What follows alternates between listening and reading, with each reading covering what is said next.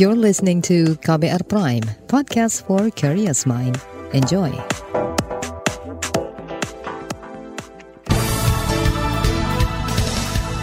Selamat pagi saudara, senang sekali kami bisa menjumpai Anda melalui program Buletin Pagi KBR edisi Rabu 3 Agustus 2022 bersama saya Roni Sitanggang.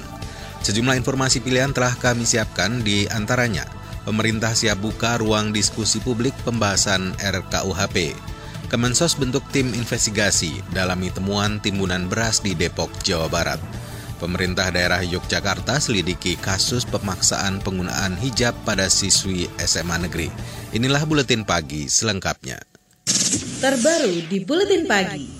Saudara Presiden Joko Widodo meminta jajarannya dan DPR kembali membahas rancangan Kitab Undang-Undang Hukum Pidana RKUHP bersama masyarakat. Hal itu disampaikan Menteri Koordinator Politik Hukum dan Keamanan Mahfud MD setelah menggelar rapat terbatas di Istana Merdeka akan dilakukan diskusi-diskusi secara lebih terbuka melalui dua jalur. Pertama akan terus dibahas di DPR untuk menyelesaikan 14 masalah ini. Kemudian jalur yang kedua terus melakukan sosialisasi dan diskusi ke simpul-simpul masyarakat. Presiden meminta agar masalah ini diperhatikan betul dan kita akan mengagendakan baik di gedung DPR maupun di luar gedung DPR yaitu di lembaga-lembaga pemerintah. Menko Polhukam Mahfud MD juga mengatakan penyelenggara diskusi akan difasilitasi Kementerian Komunikasi dan Informatika dengan materi pembahasan akan disiapkan Kementerian Hukum dan HAM. Lebih lanjut, Mahfud menyebut dimulainya kembali pembahasan RKUHP secara terbuka dimaksudkan agar masyarakat paham betul isi dari aturan tersebut yang selama ini menjadi polemik di masyarakat. Menanggapi hal itu, anggota Komisi Hukum DPR Taufik Basari menyambut baik permintaan Presiden untuk membuka diskusi RKUHP bersama masyarakat. Dia berharap hal itu bisa membuat masyarakat lebih puas dengan undang-undang yang dihasilkan sikap yang sangat baik dari pemerintah ya agar kita bisa memiliki RKUHP yang tidak hanya dibahas terbatas oleh DPR dan pemerintah saja, tapi juga bisa melibatkan masyarakat sehingga masyarakat pun merasa memiliki RKUHP ini. Ke depan saya berharap ketika pemerintah sudah mendorong agar ada pembahasan terhadap RKUHP ini, kita bisa melakukan semacam konsultasi nasional ya, sehingga semua orang bisa memberikan masukan, turut berdiskusi dan RKUHP menjadi diskursus uh, publik. Anggota Komisi Hukum DPR dari fraksi Nasdem Taufik Basari berharap dalam diskusi nanti akan ada simulasi terkait penerapan beberapa pasal yang masih menjadi polemik, sehingga saat implementasinya semua pihak memiliki pemahaman yang sama.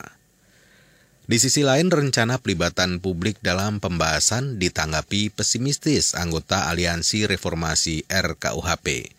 Peneliti Lembaga Pemantau Korupsi ICW Kurnia Ramadana meminta pemerintah memastikan partisipasi tersebut didengarkan dan dipertimbangkan sebagai poin-poin perubahan RKUHP.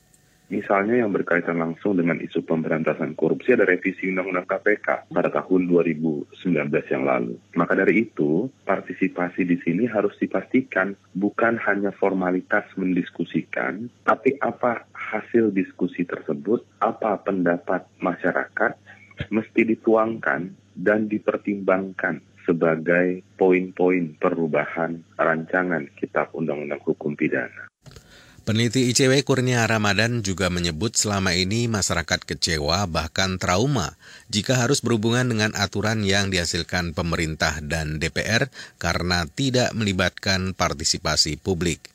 Dia mendorong diskusi-diskusi RKUHP dilaksanakan di kampus-kampus dan melibatkan organisasi kemasyarakatan sipil serta tokoh-tokoh lain dalam rangka membahas permasalahan yang ada di dalam RKUHP. Senada dengan koalisi pakar kebijakan publik Trubus Rardiansah meminta pembahasan RKUHP tidak terburu-buru. Pasalnya selain minim aspirasi masyarakat, sosialisasi kebijakan juga sangat tertutup. Trubus mendorong sosialisasi RKUHP dilakukan di kampus-kampus dan pada anggota TNI Polri. Bahkan ia menyarankan adanya tim khusus di setiap daerah untuk menyerap aspirasi publik itu diwajibkan sih kepala daerah kepala daerah untuk memperbanyak terus jangan kepada ini Nah kemudian di setiap daerah itu ada tim tim yang dibentuk ya, tim khusus yang menelaah dan menampung dari masukan-masukan itu. Nah, masukan itu kemudian di, disampaikan kepada DPR melalui DPRD lah. Jadi menurut saya jangan terburu-buru dulu untuk disahkan dua tahun lagi untuk ya paling tidak sampai selesai presiden ini masa ini sudah diketok gitu kan pada akhir-akhir presiden ini sudah diketok gitu. Selain itu, pakar kebijakan publik Trubus Rahardiansah juga mengkritik pembahasan RKUHP selama ini hanya terfokus pada 14 pasal krusial. Padahal, kata dia tak menutup kemungkinan banyak pasal lain yang juga kontroversial. Dia meminta pemerintah memastikan bahwa masyarakat diberikan informasi yang lengkap dan menyeluruh. Sebelumnya aturan ini banyak menuai protes di antaranya menyangkut hukuman mati dan penghinaan presiden dan wakil presiden.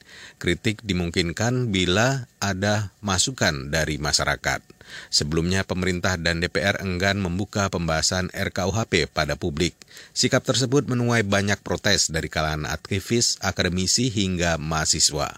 Saat itu pemerintah maupun DPR berdalih enggan mempublikasikan draft RUU tersebut sebelum final lantaran masih terdapat banyak salah ketip kutip dan enggan bernasib sama seperti Undang-Undang Cipta Kerja yang menuai protes. Saudara informasi selanjutnya tentang Kementerian Sosial yang mendalami temuan bantuan beras tertimbun di Depok. Informasinya akan hadir sesaat lagi, tetaplah di Buletin Pagi KBR. You're listening to KBR Pride, podcast for curious mind. Enjoy!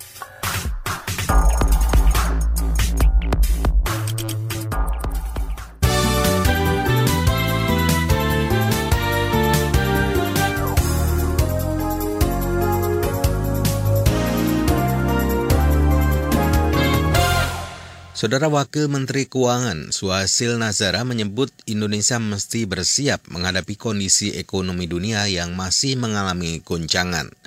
Kata dia, Amerika, Eropa, dan global diperkirakan masih akan meningkatkan suku bunga sehingga guncangan akan terus terjadi. Suhasil menegaskan pemerintah akan terus menjaga kesehatan anggaran pendapatan dan belanja negara sekaligus menjadikan APBN sebagai alat pemulihan ekonomi. APBN bersiap-siap. Kita harus melakukan secara smart karena kalau suku bunga itu meningkat, maka artinya bisa-bisa beban biaya bunga kita kita tidak mau melonjak terlalu tinggi. Ini harus kita jaga dengan baik sehingga APBN bisa tetap sehat, konsolidasi fiskal terjaga karena itu juga defisitnya harus kita turunkan ke bawah 3% dari produk domestik bruto. Kata Q Suhasil Nazara, Indonesia juga mesti memikirkan sumber-sumber ekonomi yang baru dengan menyesuaikan tren internasional. Ia menyebutkan sejumlah potensi sumber ekonomi baru yaitu pola hidup new normal, peta perdagangan dan investasi yang baru hingga kesadaran atas ekonomi hijau. Kata dia, Indonesia juga tengah bersiap-siap untuk memikirkan dan menata kebijakan yang diperlukan untuk menjaga ketahanan energi dan ketahanan pangan. Kita ke informasi pemilu. Kabar pemilu. Kabar pemilu. Komisi Pemilihan Umum KPU mengumumkan Partai Kebangkitan Nusantara PKN telah menyelesaikan proses pendaftaran parpol peserta pemilu 2024 kemarin di kantor KPU. Komisioner KPU Idam Holik mengatakan setelah melengkapi persyaratan, PKN bisa maju ke tahap verifikasi administrasi pada tanggal 2 Agustus jam 2 waktu Indonesia bagian Barat, Partai Kebangkitan Nusantara PKN telah mendaftarkan diri dan tadi sebelum jam 5 kami telah menyelesaikan pengecekan dokumen. Partai Kebangkitan Nusantara dinyatakan lengkap dokumennya dan dilanjutkan ke tahapan verifikasi administrasi yang akan kami mulai esok hari.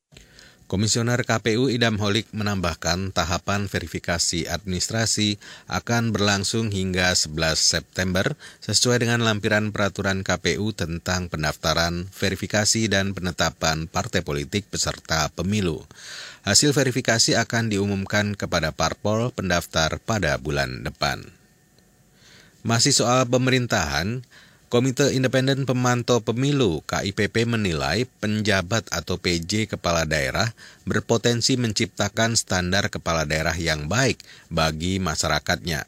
Kata Ketua Presidium KIPP Jojo Rohi, hal ini bisa dimanfaatkan dengan menunjukkan kinerja yang baik, prestasi yang bagus, dan peningkatan pelayanan publik yang baik itu ruang untuk para PJ ini melakukan inovasi. Jadi eh, program-program yang sekiranya itu eh, baik dan berdampak luas bagi kesejahteraan masyarakat banyak, maka di situlah sebenarnya ruang-ruang inovasi bisa dilakukan oleh pejabat. Ya. betul. Nah, dari situ kemudian dampak politisnya menurut saya akan bagus bila para PJ ini prestasinya baik, pelayanan publiknya bagus, maka dia bisa dengan sendirinya itu menjadi standar bagi publik. Presidium KIPP Jojo Rohi menambahkan dengan peningkatan standar yang diciptakan penjabat kepala daerah, maka akan menjadi wujud pendidikan politik bagi warga. Kata dia, masyarakat akan dapat mengukur dan menilai serta memahami pentingnya memilih kepala daerah berdasarkan kualitas kinerjanya. Kata dia, masyarakat juga dapat menjadikan standar tersebut sebagai acuan dalam memilih kepala daerah terbaik di Pilkada 2024 mendatang. Kita ke informasi kesehatan. Ikatan Dokter Anak Indonesia IDAI mengungkap virus cacar monyet atau monkeypox rentan menular pada bayi, anak, dan lansia dengan masalah imun. Ketua Umum PPIDAI Pripim Basarah Yunarso mendorong masyarakat, terutama kelompok rentan, menerapkan perilaku hidup bersih dan sehat demi mencegah penularan, terlebih saat anak-anak melakukan pembelajaran tatap muka. Adapun masalah eh, PTM ini tentu mengikuti ketentuan yang berlaku ya. Saya kira SKB 4 Menteri itu sudah sangat baik. Kalau saja aturan-aturan mainnya diikuti, itu insya Allah buat intinya adalah eh, pandemi dua tahun ini jangan sampai kemudian kita juga ada lost generation ya gara-gara anak-anak itu kemudian jadi kecanduan gadget jadi apa maksudnya kita proporsional saja tidak panik berlebihan Ketua Umum PPIDAI Briprim Basarah Januarso mengimbau orang tua dan guru dapat senantiasa mengajarkan anak-anak perilaku hidup bersih dan sehat. PHBS sangat dianjurkan mengingat belum tersedianya vaksin khusus perlindungan dari monkeypox. Namun demikian, menurut dia, penularan virus cacar monyet ini tidak secepat dan semudah penularan virus COVID. Kita ke informasi lain. Kementerian Sosial mulai menelusuri adanya temuan penimbunan beras bantuan sosial Presiden di Depok, Jawa Barat. Menteri Sosial Tri Risma hari ini mengatakan lembaganya telah membentuk tim untuk menyelidiki asal-muasal beras bansos tersebut. Jadi ada dua dua apa namanya kami juga melakukan penelusuran, kemudian yang dua di ketua ya, inspektorat inspektor, kemudian ada dari pihak kepolisian gitu. Mensos Tri Risma hari ini menyebut saat ini tim masih mengumpulkan data terkait temuan tersebut. Sementara itu, Inspektorat Jenderal Kemensos Dadang Iskandar menduga bansos presiden bukan bersumber dari Kemensos. Kata dia, bansos milik Kemensos seharusnya memiliki stiker pada beras berukuran 20 kg, sedangkan pada beras itu tidak ditemukan. Beralih ke informasi mancanegara. Empat kapal perang Amerika Serikat ditempatkan di perairan timur Taiwan di tengah panas kabar Ketua DPR Amerika Nancy Pelosi bertolak ke Taipei. Dilansir dari Reuters, seorang pejabat Angkatan Laut Amerika mengonfirmasi kapal induk USS Ronald Reagan telah transit di Laut Cina Selatan dan kini berada di Laut Filipina yang berbatasan langsung dengan Taiwan. Sebelumnya Kementerian Pertahanan Taiwan mengatakan mereka telah mengetahui aktivitas militer yang terjadi di dekat pulau itu. Bahkan mereka bakal menempatkan pasukan untuk merespon ancaman musuh di tengah tensi dengan Cina yang semakin panas. Beralih ke berita olahraga. Dari babak kualifikasi Liga Champions, klub asal Prancis Monaco bermain imbang 1-1 saat menghadapi klub Belanda PSV Eindhoven. PSV unggul lebih dahulu lewat gol Joy Verman yang dibalas Monaco lewat gol Axel Disasi. Hasil ini membuat peluang kedua tim masih serba terbuka pada pertemuan kedua di kandang PSV 9 Agustus mendatang. Kejutan terjadi pada pertandingan lain klub Skotlandia Rangers takluk 0-2 saat berlaga di kandang klub Belgia Union Sang Gilas. Mereka takluk oleh gol Teddy Teuma dan gol penalti Den Van Zer. Sementara klub unggulan asal Portugal Benfica menang 4-1 saat menjamu klub Dermat Midtjylland. Matias Ramos memborong 3 gol buat tim tuan rumah.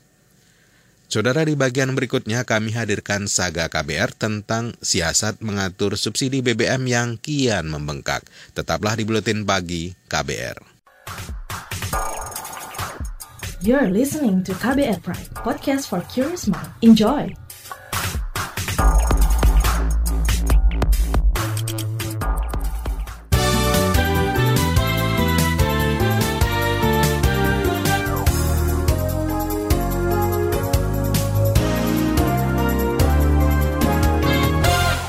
Terima kasih Anda masih bersama Roni Sitanggang di Buletin Pagi KBR. Saudara, pemerintah mengklaim masih kuat mengeluarkan subsidi bahan bakar minyak BBM. Meskipun subsidi kerap salah sasaran sehingga kuota setiap tahun acap kali jebol. Lantas bagaimana langkah pemerintah menyiasatinya? Berikut laporan khas KBR yang disusun jurnalis Reski Novianto. Pemerintah memastikan masih akan terus memberikan subsidi harga bahan bakar minyak BBM jenis Pertalite dan solar. Walaupun kuota yang ditetapkan terus meleset lantaran penerima subsidi kerap salah sasaran di lapangan. Presiden Joko Widodo mengatakan subsidi BBM di Indonesia sangat besar, mencapai lebih dari 500 triliun. Besarnya subsidi itu disebabkan karena harga Pertalite di tanah air belum naik, seperti di negara lain. Kalau bensin di negara lain sekarang harganya sudah 32 ribu, 31 ribu. Di Indonesia Pertalite masih 7.650. Tapi juga perlu kita ingat, subsidi terhadap BBM itu sudah sangat terlalu besar. Dari 170-an sekarang sudah 502 triliun rupiah. Negara mana pun nggak akan kuat menyangga subsidi sebesar itu. Tapi sekali lagi Alhamdulillah kita masih kuat menahannya sampai sekarang ini. Ini yang patut kita syukuri bersama-sama. Menurut Presiden Joko Widodo, alokasi dana untuk subsidi BBM sangat besar. Padahal negara juga harus menopang subsidi lain seperti gas LPG 3 kg hingga tarif listrik berkapasitas di bawah 3000 volt ampere. Menteri Keuangan Sri Mulyani selaku bendahara negara menyebut beban keuangan pemerintah untuk subsidi energi semakin besar. Ini turut dipengaruhi tren naiknya harga minyak dunia. Namun memang ongkosnya sangat besar bagi APBN kita, yaitu 275 triliun untuk kompensasi dan untuk subsidi kita tambahkan 77 triliun. Jadi secara total hampir 350 triliun sendiri kenaikan untuk menahan harga BBM, gas, dan listrik. Untuk subsidi kita sudah belanjakan 96,4 triliun dari total anggaran 206,7 triliun plus 77 triliun yang kita tambahkan dalam anggaran subsidi. Sri Mulyani mengakui bocornya subsidi ke orang tak berhak memang konsekuensi dari kebijakan yang diambil pemerintah. Meski begitu, ia mengatakan jika BBM tidak disubsidi, maka akan terjadi kenaikan harga BBM. Ini bisa berimplikasi pada tingkat inflasi yang mengganggu daya beli masyarakat dan melemahkan ekonomi. Membengkaknya anggaran subsidi BBM turut mendapat perhatian DPR. Ketua Komisi Energi DPR Sugeng Suparwoto mengatakan perlu ada pembatasan pembelian BBM bersubsidi untuk mengurangi tekanan terhadap daya beli masyarakat dan beban pemerintah dalam APBN. Jadi sistem pengawasannya kan ada di tingkat hilir itu ada namanya BPH, Badan Pengatur uh, Hilir Migas, BP Migas. Juga pengawasan kalau dengan tadi misalnya yang mendapat BBM subsidi hanya motor dan kendaraan umum atau angkutan umum, saya kira lebih mudah itu. Sangat-sangat lebih mudah kan kita dengan spesifik tertentu. Hari ini memang pengawasannya sangat sulit ya. Saat ini pemerintah masih merevisi peraturan presiden tentang pembatasan BBM bersubsidi yang kabarnya akan diberlakukan Agustus ini. Sekretaris Perusahaan PT Pertamina Patra Niaga Irto Ginting mengatakan, sambil menunggu arahan pemerintah, PT Pertamina menguji coba pembatasan pembelian BBM bersubsidi melalui aplikasi My Pertamina.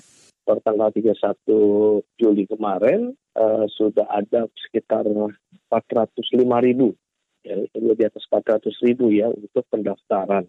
Kita juga menyiapkan infrastruktur-infrastruktur untuk pelaksanaannya, di antara nanti untuk EDC yang membaca QR code itu juga sedang disiapkan bersama dengan uh, Telkom. Kita harapkan nanti pada saat implementasi bisa apa namanya sudah siap. Akan tetapi, Direktur Eksekutif Energy Watch, Mamit Setiawan, menilai langkah yang dilakukan pemerintah masih kurang tegas. Mamit mengatakan perlu ada aturan yang lebih ketat lagi mengenai kriteria kendaraan yang berhak menerima BBM bersubsidi, yakni Pertalite dan solar. Misalnya Pertalite ini hanya untuk kendaraan roda dua, gitu kan ya, angkutan umum plat, uh, angkutan umum dengan plat kuning, terus juga angkutan UMKM, kan uh, yang dibuktikan dengan surat misalnya ataupun surat keterangan. Hmm. Ya ini jauh lebih mudah. Hmm. Jadi memang betul sama seperti solar subsidi gitu kan ya. ya. Sama solar subsidi misalnya untuk angkutan sembako, kendaraan pribadi pun kalau perlu nggak boleh. Bis ya, untuk bis gitu kan ya, untuk angkutan sekolah. Jadi benar-benar tepat sasaran gitu. Laporan ini disusun Reski Novianto. Saya Astri Yuwanasari. Saudara informasi dari berbagai daerah akan kami hadirkan usai jeda berikut ini. You're listening to KBR Pride, podcast for curious mind. Enjoy!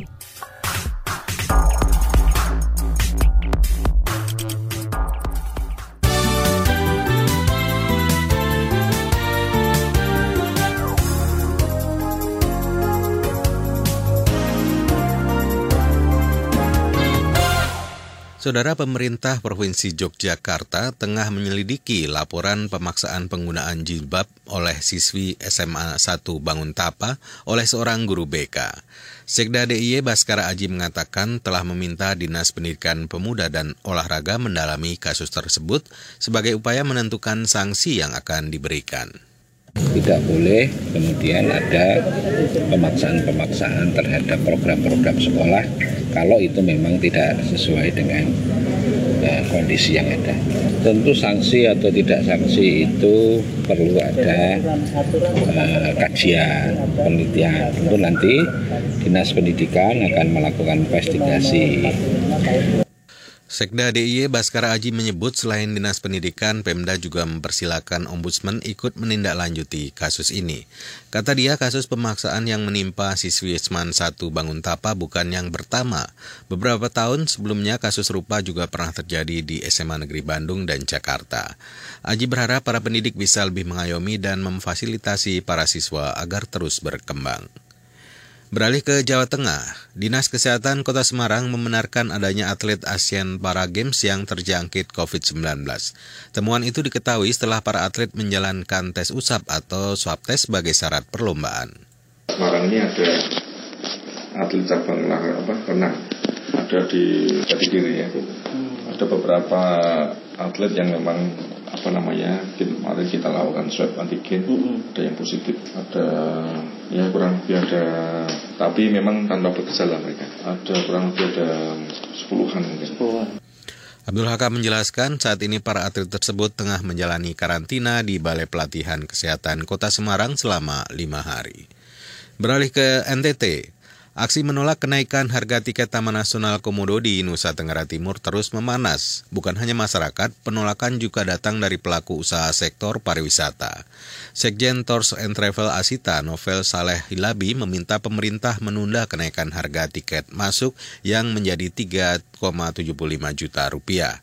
Kata dia harga itu akan memberatkan wisatawan dan berdampak pada pengusaha lokal. Sebelumnya warga setempat juga mendemo kebijakan tersebut pada beberapa hari ini. Aksi turun ke jalan itu ricuh dan mengakibatkan sejumlah warga terluka. Kepolisian setempat bahkan menahan tiga peserta demo yang dianggap sebagai provokator. Saudara informasi tadi menutup jumpa kita di Buletin Pagi KBR. Pantau juga informasi terbaru melalui kabar baru, situs kbr.id, Twitter kami di akun @beritaKBR, serta podcast di alamat kbrprime.id. Akhirnya saya, Roni Sitanggang bersama tim yang bertugas undur diri. Salam.